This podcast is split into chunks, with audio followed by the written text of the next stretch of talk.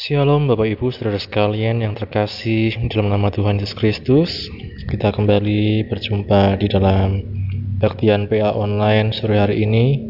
Mari sebelum kita bersama-sama menikmati firman Tuhan Kita akan sama-sama berdoa. Bapa kami bersyukur untuk kesempatan yang kau beri pada kami Tuhan. Di sore hari ini kami akan belajar dari firman-Mu Engkau yang buka setiap hati kami untuk kami dapat menangkap isi hatimu, untuk yang mengerti firmanmu, dan Engkau yang mampukan kami untuk menjadi pelaku-pelaku firmanmu. Kami bersyukur ya Bapa, kami sambut firmanmu dalam nama Tuhan Yesus, haleluya, amin. Bapak Ibu Saudara sekalian, kita kembali akan melihat ya di dalam seri surat Efesus. Sore hari ini kita sudah sampai pada Efesus pasal yang kelima ayat yang ke-15 dan seterusnya ya. Efesus pasal yang kelima ayat yang ke-15 sampai ayat yang ke-21 demikian bunyi firman Tuhan. Karena itu perhatikanlah dengan saksama bagaimana kamu hidup. Janganlah seperti orang bebal, tetapi seperti orang arif. Dan pergunakanlah waktu yang ada, karena hari-hari ini adalah jahat. Sebab itu janganlah kamu bodoh, tetapi usahakanlah supaya kamu mengerti kehendak Tuhan. Dan janganlah kamu mabuk oleh anggur, karena anggur menimbulkan hawa nafsu, tetapi hendaklah kamu penuh dengan roh. Dan berkata-katalah seorang kepada yang lain dalam Mazmur, hidung puji-pujian dan nyanyian rohani. Bernyanyi dan bersoraklah bagi Tuhan dengan senap hati, Ucaplah syukur senantiasa atas segala sesuatu dalam nama Tuhan kita Yesus Kristus kepada Allah dan Bapa kita, dan rendahkanlah dirimu seorang kepada yang lain di dalam takut akan Tuhan. Amin. Berbahagia setiap kita yang baca, mendengar, dan yang melakukan firman Tuhan. Bapak Ibu saudara sekalian, sore hari ini tema firman Tuhan adalah menebus waktu. Ya. Menebus waktu. Kalau kita melihat ya kita akan fokus pada Efesus pasal 5 ayat yang ke-15 sampai ayat yang ke-17 ya. Efesus pasal 5 ayat 15 sampai ayat yang ke-17. Demikian bunyi firman Tuhan. Karena itu perhatikanlah dengan seksama bagaimana kamu hidup jangan seperti orang bebal tetapi seperti orang arif dan pergunakanlah waktu yang ada ya. Dan pergunakanlah waktu yang ada. Ya. Nah ini Bapak Ibu Saudara sekalian, eh, satu hal yang kita benar-benar perhatikan adalah tentang pergunakanlah waktu yang ada. Di dalam terjemahan lain ya, terjemahan Indonesia literal ya, terjemahan Indonesia literal eh, dikatakan bahwa seraya menebus waktu karena hari-hari ini adalah jahat ya. Dikatakan pergunakanlah waktu itu adalah menebus waktu. ya. Kalau kita gambarkan dalam kehidupan kita sehari-hari ibarat orang yang menebus suatu barang. Dibeli barangnya ya. Tadinya itu bukan sesuatu yang e, menjadi haknya tetapi kemudian ditebus, dibeli dan itu menjadi sesuatu yang dimilikinya. Demikian juga dengan waktu Bapak Ibu. Kalau di dalam konsep ekonomi, orang-orang yang berbisnis, waktu ini sangat berharga, waktu ini sangat penting. Waktu eh, digambarkan seperti sesuatu yang dapat dibeli. Makanya ada istilah mengatakan waktu adalah uang, time is money, ya. Contohnya seperti apa? Contohnya kalau kita dalam perjalanan ya, ada kita bisa bertransportasi lewat bis, lewat darat, atau lewat kereta api, atau lewat udara ya. Dan Bapak Ibu semakin cepat waktunya sampai, semakin mahal biaya yang dibutuhkan. Ya, naik kereta api lebih cepat daripada naik bis, naik pesawat lebih cepat lagi daripada naik bis dan naik kereta api. Dan harganya lebih mahal. Ya. Untuk orang-orang yang begitu uh, memperhatikan waktu begitu padat jadwalnya mereka rela untuk mengeluarkan uang berapa saja hanya demi sampai tepat waktu atau sampai tidak terlambat ya. Makanya para pebisnis, orang-orang yang mungkin punya uh, usaha di tempat lain, mereka usahakan bagaimana bisa cepat sampai dengan cara apa pun ya. Nah, ini Bapak Ibu sama seperti juga kita hendaknya memandang betapa berharganya waktu yang Tuhan berikan di dalam kehidupan kita.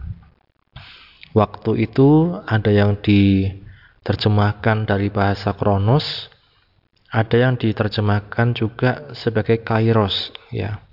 Kronos itu seperti kronologi ya, urutan kejadian yang terjadi dalam kehidupan kita.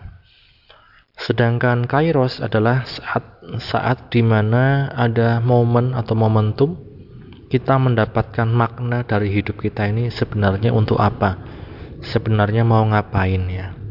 Jadi kronos kita hidup setiap hari 24 jam, 7 hari ya. Sedangkan kairos di dalam 24 jam 7 hari itu kita mendapatkan makna hidup seperti apa?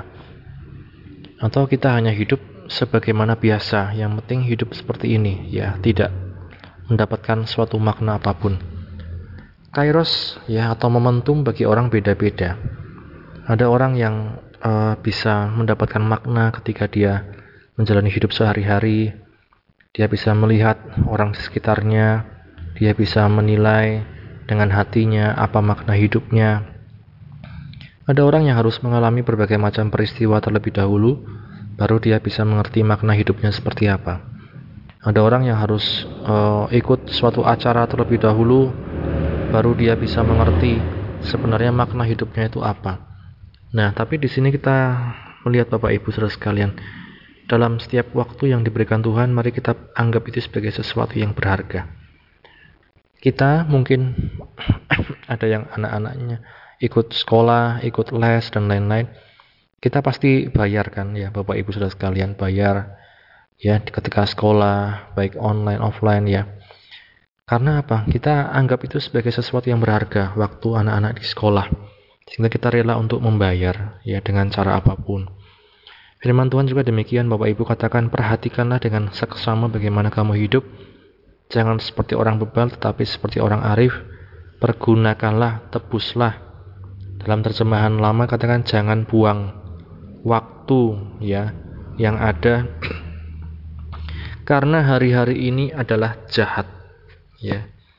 Artinya apa? Ketika kita membiarkan waktu itu berlalu begitu saja, kita ikut arus dunia ini, kita ikut semua apa yang ada di dunia ini mau seperti apa kita ikut saja, maka dikatakan kita bisa terjerumus dalam sesuatu yang jahat. Lalu kita berkata, loh saya tidak berbuat jahat, saya tidak berbuat yang tidak baik, saya tidak berbuat asusila dan lain-lain. Tapi di ayat yang ke-17 dikatakan, janganlah kamu bodoh, tetapi usahakanlah supaya kamu mengerti kehendak Tuhan. Ya. Jadi ada hubungannya Bapak Ibu antara kejahatan dengan mengerti kehendak Tuhan. Ya. Kalau saya uh, kalau kita buka ya dalam Matius pasal 7 ayat yang ke-21 Bukan setiap orang yang berseru kepadaku Tuhan Tuhan akan masuk ke dalam kerajaan sorga, melainkan dia yang melakukan kehendak Bapakku yang di sorga. Pada hari terakhir banyak orang akan berseru kepadaku Tuhan, Tuhan, bukankah kami berbuat demi namamu dan mengusir setan demi namamu dan mengadakan banyak mujizat demi namamu juga? Pada waktu itulah aku akan berterus terang kepada mereka dan berkata, Aku tidak pernah mengenal kamu, Enyahlah daripadaku kamu sekalian pembuat kejahatan. Ya. Firman Tuhan katakan pada hari terakhir banyak orang melayani Tuhan, mendemonstrasikan kuasa Allah, uh, dipercaya Tuhan karunia-karunia yang bermacam-macam. Tetapi ketika itu pada waktu itu itulah dikatakan Tuhan akan berterus terang. Aku tidak pernah mengenal kamu, ya, atau dalam bahasa lain aku tidak pernah menikmati hidupmu Ya karena apa? Dikatakan engkau tidak melakukan kehendak Bapakku yang di sorga. Enyahlah kamu sekalian pembuat kejahatan. Bapak Ibu berbicara tentang kejahatan bukan berbicara tentang satu tindakan amoral, asusila atau tindakan yang nyata-nyata jahat ya seperti pencuri, perampok, pembunuh dan lain-lain. Tapi ketika kita tidak melakukan apa yang menjadi kehendak Tuhan dalam hidup kita, di situ sudah termasuk itu sudah termasuk kejahatan, ya. Sebab apa dikatakan kita melakukan segala sesuatu kalau hanya menurut kehendak kita sendiri, tidak bertanya kepada Bapa di sorga, tidak bertanya kepada Tuhan, kita lakukan sekehendak hati sendiri, maka dapat dikatakan ini adalah satu kejahatan.